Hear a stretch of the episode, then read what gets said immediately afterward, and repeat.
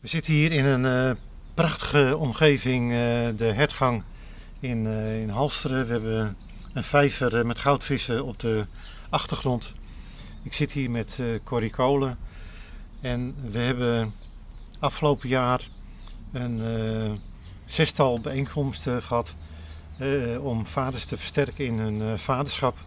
En ik wil aan Corrie eigenlijk vragen, ehm, wat is voor jou de belangrijkste reden om deze vaderbijeenkomsten te doen? Ja, het zicht op vader zijn is toch, eh, vader is toch echt iets anders dan man zijn. Mhm. En ik eh, werk ook vanuit eh, relatie veel met het huwelijk. Ehm, vanuit de poot R in mijn praktijk. En dan is het stukje vader vaak een onderbelicht iets. Mhm.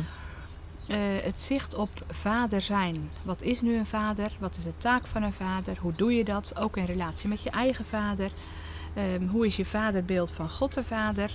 Hoe ben je vader naar je kinderen toe en hoe wil je dat zijn? Is het ook heel mooi om met elkaar als andere vaders eh, in gesprek te zijn en elkaar te bemoedigen en te steunen.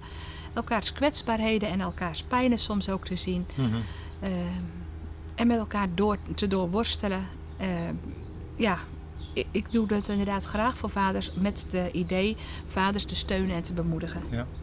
Wat is je vooral van de afgelopen sessies bijgebleven? Wat, wat, wat heb je daar zelf uit eh, geleerd, opgemaakt? Ehm, het zien dat vaders echt kwetsbaar kunnen zijn, durven zijn in een veilige omgeving. Ehm, het zien dat vaders ook echt iets te zeggen hebben en toegevoegde waarde hebben ehm, wanneer ze hun stem durven en kunnen laten horen. Ehm, ja, ik heb kippenvelmomentjes gehad dat ik dacht van zo, dit zegt een vader. Ja. Heel mooi. Als ik het woord vader-emancipatie noem, geen bekende term, maar wat associeer jij daar dan bij? Ja, ik denk inderdaad, ehm, het is wel even een eh, vraag om over na te denken. Ik zie van alles en nog wat ineens voor me langskomen. Ja. Ehm, ja, ik denk dat vaders wel op mogen staan. En dat we mogen helpen om vaders op te gaan staan. Eh, vaders zijn, eh, net wat ik zei, al onderbelicht. Ehm, vrouwen, moeders, opvoedingstaken bij moeders, die worden vaak wel in het eh, licht gesteld. En daar is aandacht voor.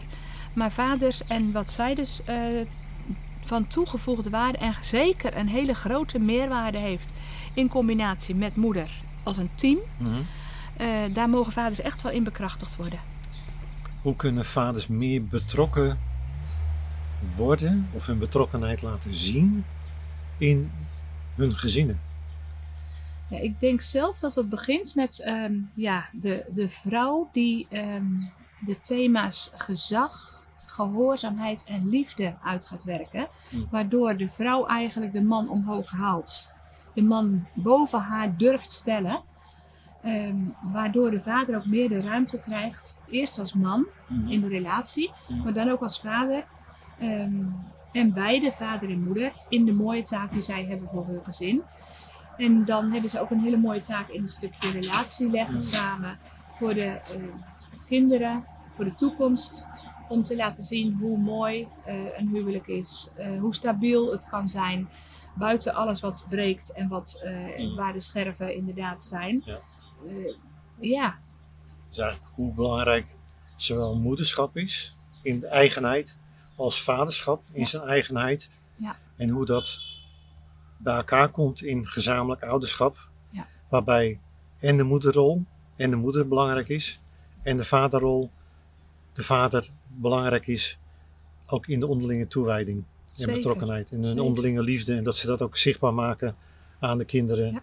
En daarmee voorbeeld zijn voor hun kinderen. helemaal. Ja. Fijn. En het mooie ehm, daarin ook is ehm, dat ehm, zowel vader als moeder een deel van het vaderbeeld, ehm, het godsbeeld, laten zien. Dus de eh, kenmerken van God, de karaktereigenschappen van God, eh, in de vaderlijke kant en de moederlijke kant, maakt het beeld van God voor een Compleet, kind nog completer. Fijn. Dankjewel voor deze toelichting. Helemaal Dankjewel. goed.